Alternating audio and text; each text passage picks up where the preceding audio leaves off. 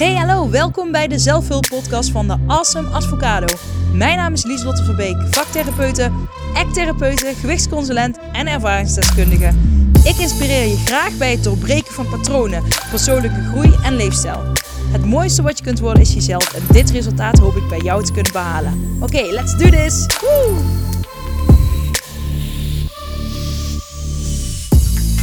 Hey, hallo lieve jij. Superleuk dat je weer luistert. Ik dacht, ik ga een podcastaflevering opnemen. En ik denk, ik ga niet weer uitstellen. Ik druk meteen op play. En dan ga ik gewoon beginnen, want ik ben mijn eigen uitstelgedrag een beetje zat. Ik heb vorige week gezegd, ik zie jullie gewoon volgende week weer. Nou, dat is dus deze keer niet gelukt. Um, nou ja, poging 2 dan maar. Um, ik heb er wel al uh, de vorige week heel veel aan gedacht. Dus dat vond ik al beter dan vergeten. Dus dat was al een uh, stapje meer. Maar um, nou ja, uh, het is wat het is.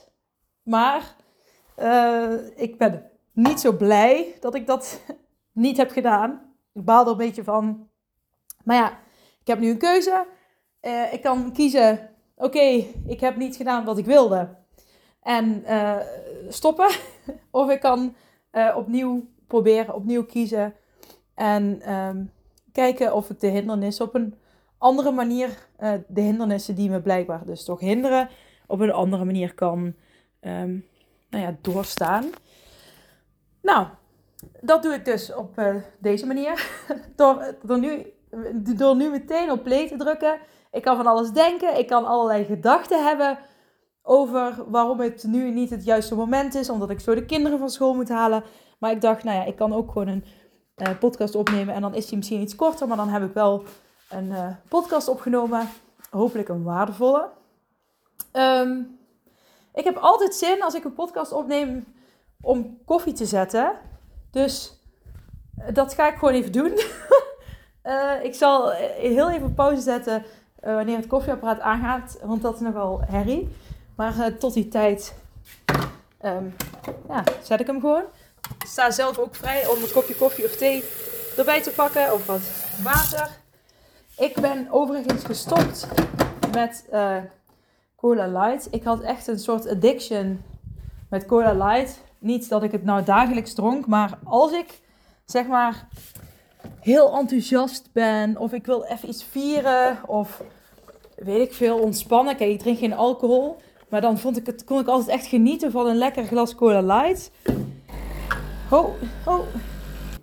Nee, ik was, ik was een beetje te laat, maar uh, de koffie is gezet. Maar ik kon altijd heel erg genieten van een lekker glas Cola Light. Alleen nu uh, is er toch meer in het nieuws gekomen dat de aspartaam die erin zit toch uh, waarschijnlijk kankerverwekkender is dan we dachten.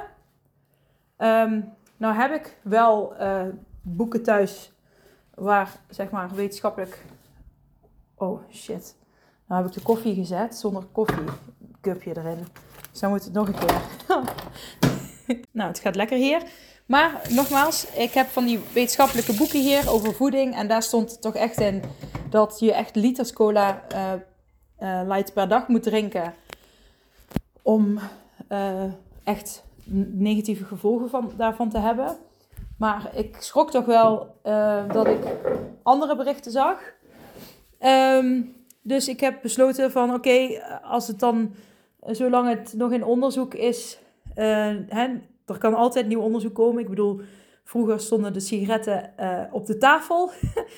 en later kwamen ze erachter dat het heel gezond is. Dus nou ja, zo kan het ook met voedingsmiddelen zijn die wij nu gebruiken. Um, nu weet je natuurlijk van hoe ultra bewerkt er voeding is hoe meer vrije radicalen. En vrije radicalen kunnen ons ziek maken. Die kunnen onze cellen aanvallen als het ware. En antioxidanten, die kunnen de vrije radicalen aanvallen. En antioxidanten zitten bijvoorbeeld in groene thee en in, nou ja, in groenten en in fruit en in noten. Dus um, daarom is gezond eten belangrijk en heeft ook daadwerkelijk een meerwaarde. Um, dat is niet dat je dan niet ziek kan worden, maar je verkleint de kans. Dus hè, iemand die rookt heeft meer kans om bepaalde ziektes te krijgen, maar wil niet zeggen dat hij die ziektes gaat krijgen. Maar de, je hebt gewoon iets meer kans. Dus dat is de, het risico wat je neemt. Ehm, dat. Oh man, ik neem een slok koffie. En die is echt super heet. Dus ik heb nou heel mijn keel alles verbrand. oh, mijn god. Oh, dat was echt iets te, iets te grote slok. nou, lang leven de lol. Ehm, wat is er allemaal gebeurd afgelopen week? Nou, ik heb echt kinderfeestjes gehad. Of nou, ik heb er morgen nog één. Nee, overmorgen.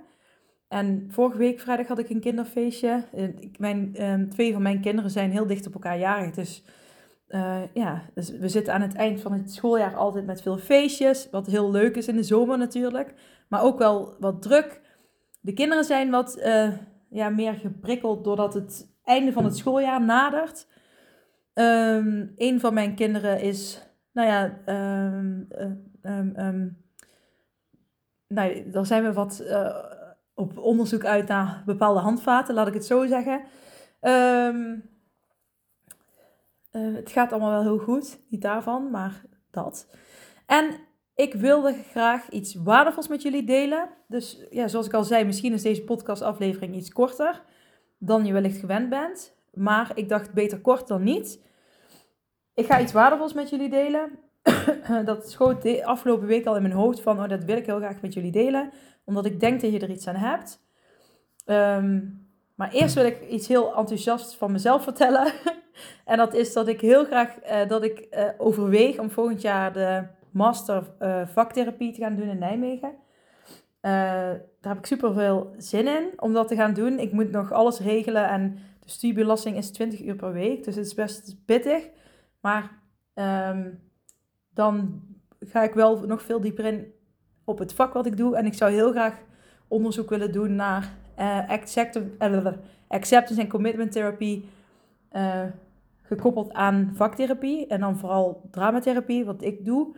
Um, ja, ik gebruik ook beeldend en ik ben ook heel erg psychomotorisch aan het werk. Ik, want ik heb vaak sportkleren aan omdat ik dus zo actief ben. Maar um, dat. Um, ja, dat, dat vind, wilde ik gewoon heel graag met jullie delen. Dat dat, dat, dat dat een optie is die ik overweeg. Het is natuurlijk best duur, dus ik moet nog even kijken ja, of ik dat via het werk kan doen. Of uh, dat deels zelf of een combi. Of ja, hoe, hoe dat zit, weet ik niet. Want normaal heb ik, ik heb altijd alles zelf betaald. Um, niet via het werk of zo. Dus ik weet niet wat de regels erover zijn. Dus dat moet ik nog uitzoeken. Um, maar dat zou ik heel graag volgend jaar willen doen. En dan waarschijnlijk volgend jaar na de zomervakantie, denk ik. Want volgens mij start die één of twee keer per jaar. Ja, ik denk dat het dan volgend jaar na de zomervakantie wordt. Dus ik moet nog een jaar wachten. Maar op zich is dat niet erg. Kan ik vast voorbereidingen treffen. En uh, alles achter de schermen regelen natuurlijk. Um, dus daar ben ik mee bezig. Uh, in mijn hoofd. um, ik, nou, ik wil nog even een zijweggetje nemen. Want ik had laatst mijn eigen of, uh, verjaardag dus van de kinderen. En toen zei iemand, en ik noem geen namen voor de, wegen de privacy, maar toen zei iemand van, oh ik zou graag dit en dit wel, als ik echt wilde, zou ik deze opleiding gaan doen. En toen zei ik, ja, maar waarom ga je die opleiding dan niet doen? Nou ja, en die persoon zei, dat kan niet, want ja, uh, dan zou ik heel veel in inkomsten achteruit gaan. En um, die personen zitten allebei op de max van hun ja, hun salaris voor de hypotheek. En uh, ik zie dat wel vaker om me heen gebeuren.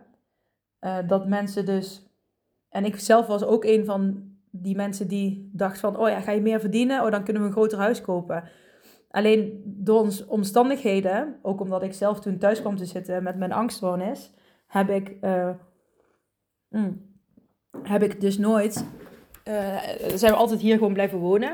In ons, in ons eerste huis. Even het raam dicht. En uh, ja, we zijn, hebben op het begin wel wat verbouwd natuurlijk. Maar wij hebben toen volgens mij op anderhalf, ja, ongeveer anderhalf, één, een, of en een kwart loon, zeg maar, hebben wij de hypotheek. één en een kwart. Dus daarom kon ik toen ik die angstzones kreeg, heb ik ook uiteindelijk... Uh, um, een jaar lang thuis kunnen zitten uh, zonder, um, ja, want ik werkte zelfstandig, dus ik had geen, ehm, nou ja, ik kreeg geen ziekte, geld of wat dan ook. Maar hè, dus ik had ook nergens van iemand druk. Dus ik kon alle tijd nemen die ik nodig had om te herstellen. En dat vond ik zo'n meerwaarde. En ik zie, en dat heeft niks met de mensen te maken waar ik uh, op de verjaardag mee sprak. Ik bedoel, super lieve, goede, um, ja, mensen. Uh, dicht, close mensen met mij. Maar ik zie, ik zie het gewoon meer om me heen dat mensen um, op, op een gegeven moment moeten gaan werken voor hun hypotheek. Of moeten gaan werken voor hun verbouwing. En ik ben meer van, oké, ik heb een huis en daar ben ik heel blij mee. Ja, ik zou ook groter willen. Ik zou aan een bos willen. Kijk, ja, de enige reden dat ik zou verhuizen is als ik aan een bos kan wonen. Um, uh, maar goed, ik woon nou... Ik kijk achteruit op een weiland. En ik ben... Ja, ik bedoel, ik mag echt niet klagen. Ik ben super blij met mijn huis. En, um, maar ik besteed liever... Uh, ik heb liever die vrijheid dat als mijn man of ik besluit iets minder te gaan werken... of tijdelijk minder dat dat dan kan. Want dat is voor mij vrijheid. En um, uh, dat je niet, ja, dat, dat is voor mij vrijheid. En vrijheid is niet voor mij dat ik een heel duur huis kan kopen. Um, en ik, ik zie dat gewoon steeds meer om me heen, dat mensen hele hoge hypotheken hebben. En eigenlijk alleen maar daarvoor aan het werken zijn. En dan denk ik, ja, dan gaat in mijn ogen um, matcht dat dan niet. Want dan denk ik, ja, dan, dan ja, waar, ja, waarom moet het altijd groter, meer en beter? En dan, niet dat het slecht is, maar als je van die vrijheid houdt, dan ga je jezelf eigenlijk beperken op vrijheid, omdat je ehm, ja, minder vrijheid hebt. Ik, ik, zie ook mensen om me heen die uh, in de ziektewet zitten en waarvan dan ook gezegd wordt van is het mogelijk dat je een jaar uh, een soort van sabbatical doet om te onderzoeken wat je echt wil. En, maar die mogelijkheid is er dan niet. Eh, gewoon puur door hoge hypotheekkosten. En dat, dat vind ik echt heel erg om te zien en te horen. Um, dus weet je al, mocht je. Uh, um, ja, gewoon mocht je dit horen, kijk eens hoe dat bij jou zit. En uh, wat, ja, als je dit anders, als je dit anders zou benaderen, anders zou invullen, of je daar meer ruimte voor jezelf in kunt krijgen. Kijk, misschien moet je juist kleiner gaan wonen met een lagere hypotheek. Uh, kijk, ik weet niet wat het beste tijd is. Ik ben geen financieel adviseur, maar um, ja. Dan heb je uiteindelijk meer vrijheid, denk ik dan. Maar goed, dit is even een zijweggetje waar ik over aan het nadenken was. Um, ja. En uh, de mening, er zullen vast uh, uitzonderingen zijn. Mensen die kopen huizen. Bijvoorbeeld, ik weet dat Kim Munnekom haar, uh, die heeft een villa die heeft ze zonder hypotheek gekocht. Kan ook, hè? Dus het is maar net wat je doet. En dan heb je een investering van een miljoen of zo. Maar ja, dan moet je wel eerst een miljoen hebben voordat je het huis kan kopen. Um, maar anyways, dit is een inzicht wat ik had gekregen uh, op basis van dingen die ik steeds vaker om me heen hoor. Dus ik wilde dat graag met jullie delen. Wat wellicht heb je er iets aan. Maar wat wilde ik nu echt delen? En dat is. Um, nou weet ik het niet meer. Nee, grapje. dat is een slecht grapje. Um, over rollen. Het gaat over rollen. Want wat ik steeds. Nou, niet steeds vaak. Wat ik gewoon tegenkom. Is dat mensen een bepaalde professionele rol hebben. En uh, die rol zo, ja, zo één worden met die rol. Diffuseren, zou je dat kunnen noemen. Um, dat ze zo één worden met die rol, dat die rol die ze professioneel hebben uh, ook um, aangenomen wordt in hun privéleven. En op een gegeven moment kun je zo vast gaan zitten in die rol van dit ben ik, uh, dat het je gaat beperken. En dat, dat, het, dat je merkt van, hé, hey, die professionele rol die ik mezelf... Hè, dan op een gegeven moment denk je, ik ben die professionele rol. En zul je merken dat, het, um, uh, dat, dat je daardoor je... Hoe zeg je dat? De jij die je bent zonder die rol, die je dus in je vrije tijd thuis bent, hè, de kern... Um, dat je die een beetje um, verliest. Omdat je je zo vasthaakt aan een andere rol. Volg je me nog? Dus wat ik nu, uh, dit is ook vaak als mensen bijvoorbeeld met pensioen gaan, dan ehm, zijn ze niet meer die professional.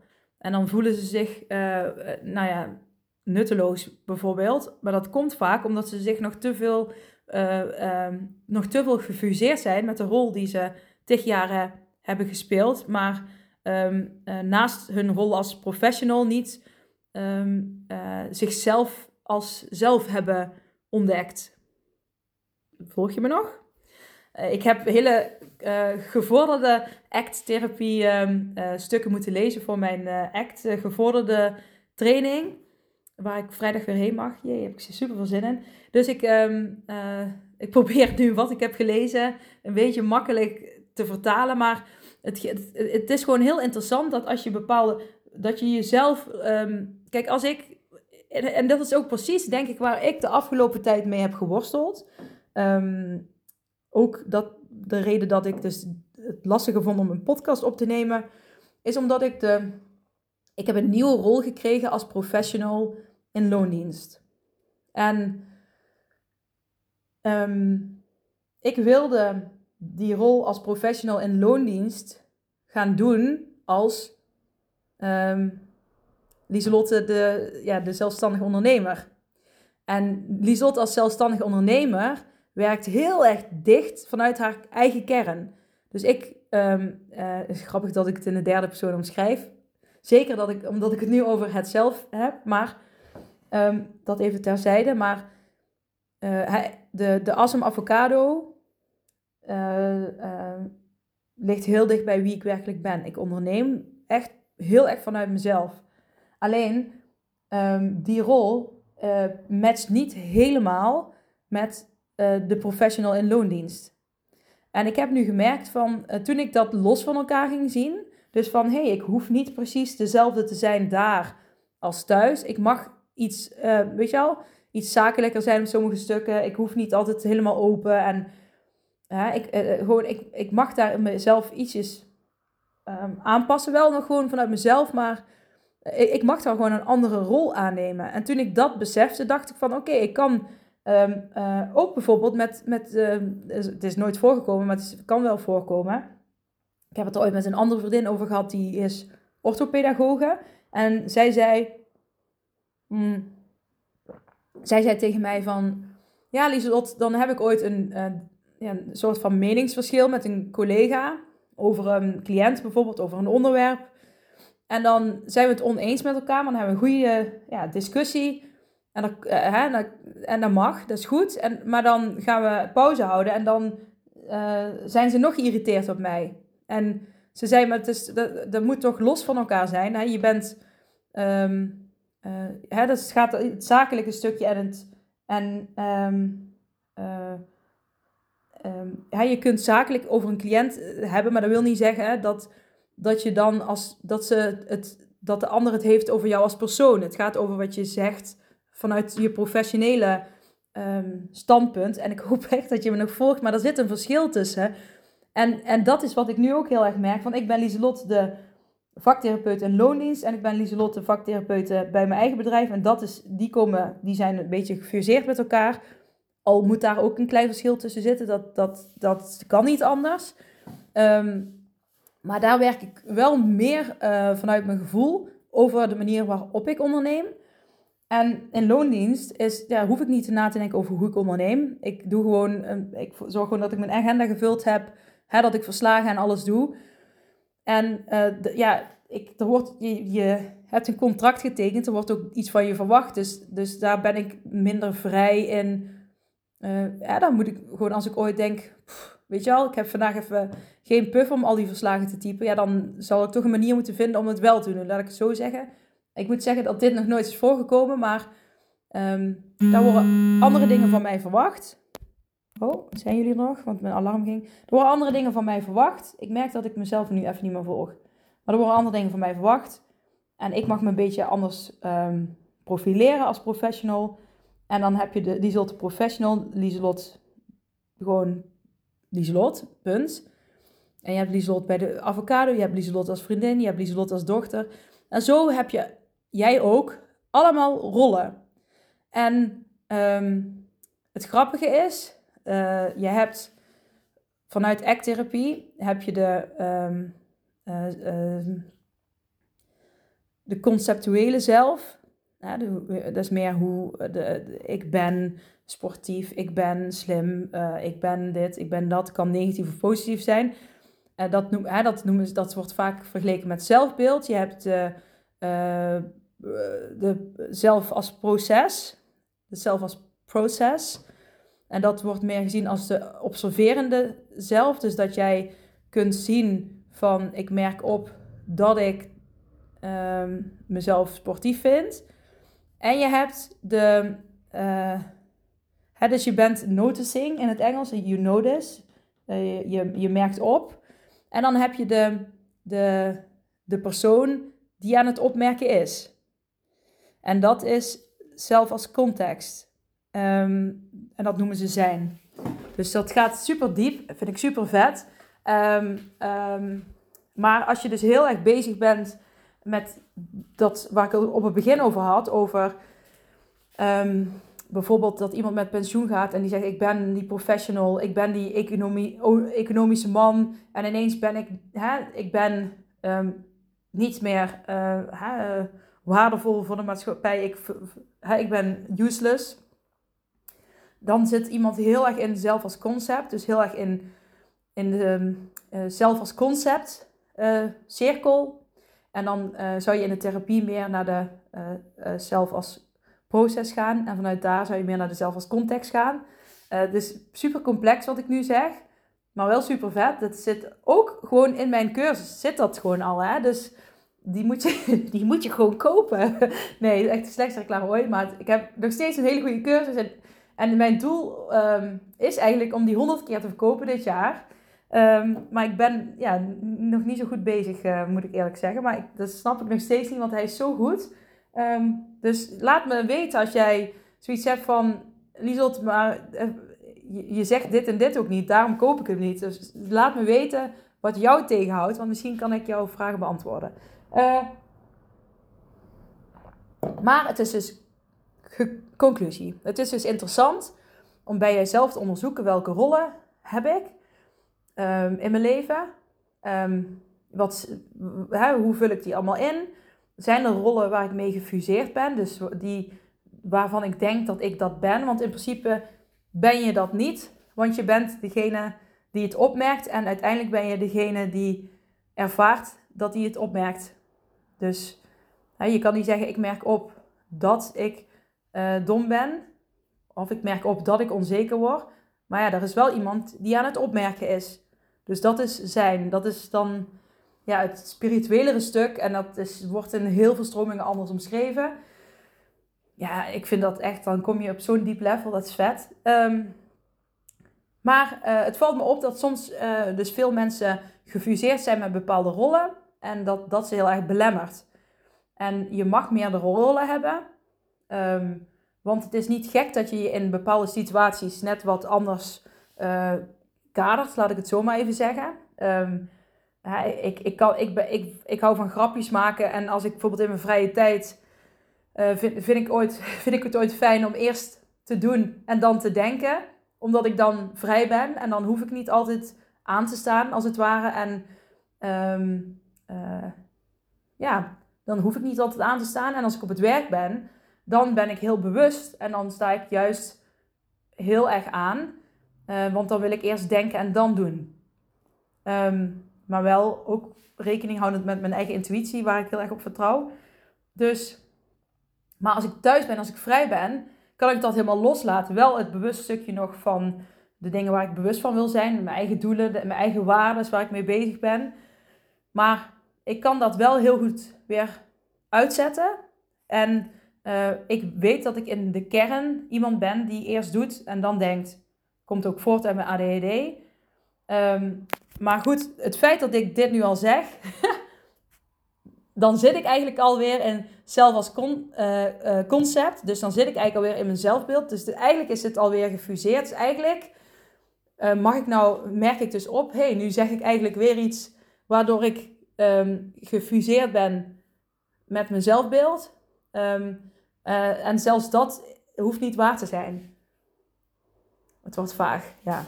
Hoe langer je hierover doorpraat, hoe vager het wordt. Dus ik denk dat ik het ga afronden. Ehm, ik wens jullie allemaal een hele mooie dag. Sorry als ik verwarring uh, in, je, uh, in je dag heb aangebracht, maar kijk naar de rollen die je speelt. En um, je bent um, niet je gedachten. je hebt gedachten. En er is ook nog iemand die de gedachten opmerkt. De, degene die ze ervaart. En ja, dat is een, die is niet dom of slim of wat dan ook. Die is. Um, en dat, dat is super vet. Als je daar kan komen in die staat van zijn, dan. Um, ja, nou niet dat ik niet weet wat ik wil zeggen, maar er komen dan zoveel woorden in me op. Dan, dan ben je denk ik op het punt wat ik iedereen gun. Ik denk dat dat ook heel erg de fabulous feelings is. De, dat je die liefde in jezelf uh, voelt, de vrede um, uh, en de vrijheid. Um, ik denk dat je dan vrijheid hebt van uh, dingen waarin je je vastzet. Liefde voelt omdat je in de kern al liefde bent. En vrede in de zin van dat je niet ja, vastzit in copingstrategieën. Je tegen jezelf vechten, vluchten, hè, bevriezen. Dus fabulous feelings. Daar eindig ik mee. Ja, ik wil nog even een aanvulling doen. Ik ben nu naar school aan het lopen om mijn kinderen op te halen. En ik besef me ineens van... Oh, dit wil ik toch nog graag als extra noot toevoegen aan de podcastaflevering. En dat is dat um, het niet zo moet zijn dat je nu gaat denken... Uh, van ik mag niet meer zeggen ik ben slim of ik vind mezelf leuk of ik ben sportief. Of, um, want uh, dat is niet wat vanuit ACT gezegd wordt. Um, het, uh, het, wat ik vooral uh, aan je mee wil geven is als je vastzit in een bepaalde, bijvoorbeeld een bepaalde zelfbeeldgedachte. Dus ik ben, stel je voor je zegt ik ben sportief. En dan komt er een periode dat je niet sportief kunt zijn. Bijvoorbeeld nou ja, door het leven, wat zo ja, wat is. Um, dan, kun je, dan kan dat uh, problemen opleveren. Um, net zoals ik zei net met die persoon die um, met pensioen gaat, die heeft ook misschien een bepaald beeld over zichzelf, wat dan ineens niet meer is. En dat kan dan ineens voor problemen zorgen, omdat ja, omdat zich daar zo aan heeft vastgehaakt, zeg maar. Dat, ja, dat zichzelf daar niet meer los van kan zien als werkende persoon. Dus um, dan is het een probleem. En dan um, heeft het negatieve functie. Dus ik denk dat het ook altijd belangrijk is, is dat je gaat kijken wat de functie is. En um, als jij bijvoorbeeld, kijk, stel je voor je zegt sportief en het heeft nu een uh, als een positieve functie. Hè, dat je daardoor, hè, bijvoorbeeld ik vind mezelf ook wel uh, sportief, dat je dus uh, zeg maar 12 kilometer per week of 10, nou een beetje wat ik nu probeer, gaat hardlopen. Hè, dan heeft het een positieve functie. Dus dan, het is niet zo dat, het dan, dat je dat dan niet mag. Het gaat om dat je bewuster van moet zijn wat je zegt. En als het niet werkt voor jou, dat je dat dan kan zien als het, het is maar taal. Um, hè, het is iets wat ik, wat ik over mezelf zeg. Het is niet wat ik ben. Het zijn gedachten die, die ik heb. Het is niet wat ik ben. Um, dat je er meer afstand van neemt. Um, en door die afstand kun je nieuwe keuzes maken. Dus het is niet zo dat je die gedachten niet mag hebben. Maar dat je ook vooral gaat kijken wat is de functie en werkt het voor mij.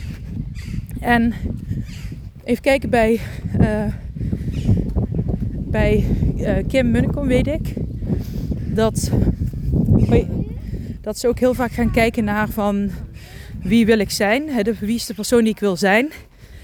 Hè, wat doet die persoon die ik wil zijn? Wat voor kleren draagt hij? Wat, wat voor sporten doet hij? Nou, ik zeg maar even iets. Um, uh, dan ben je eigenlijk ook met die zelf uh, elementen aan de slag aan het gaan. En met uh, de rollen. Alleen het gevaar is dan wel dat je, dat je daarmee gaat fuseren weer. En je mag dan zien, ik wil dit als professional zijn of ik wil dit als hè, puntje puntje zijn. Maar in de kern ben je? Volg je me nog? Dus dat is, ik, ik hoop dat je me volgt. Het is niet, dus je mag die gedachten hebben. Alleen zijn ze functioneel of niet?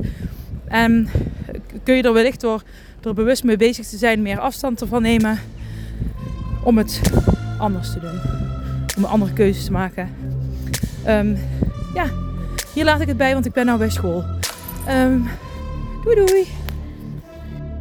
Hey, hallo lieve jij. Bedankt voor het luisteren naar mijn podcastaflevering. Vind je hem nou heel waardevol? Deel hem dan vooral op social media. En tag me erin. Op Instagram is dat Lieselot-Verbeek. En vergeet vooral niet 5 sterren te geven wanneer je beluistert via Spotify. Yes, dankjewel. Dag lieve jij. Tot de volgende. Doei.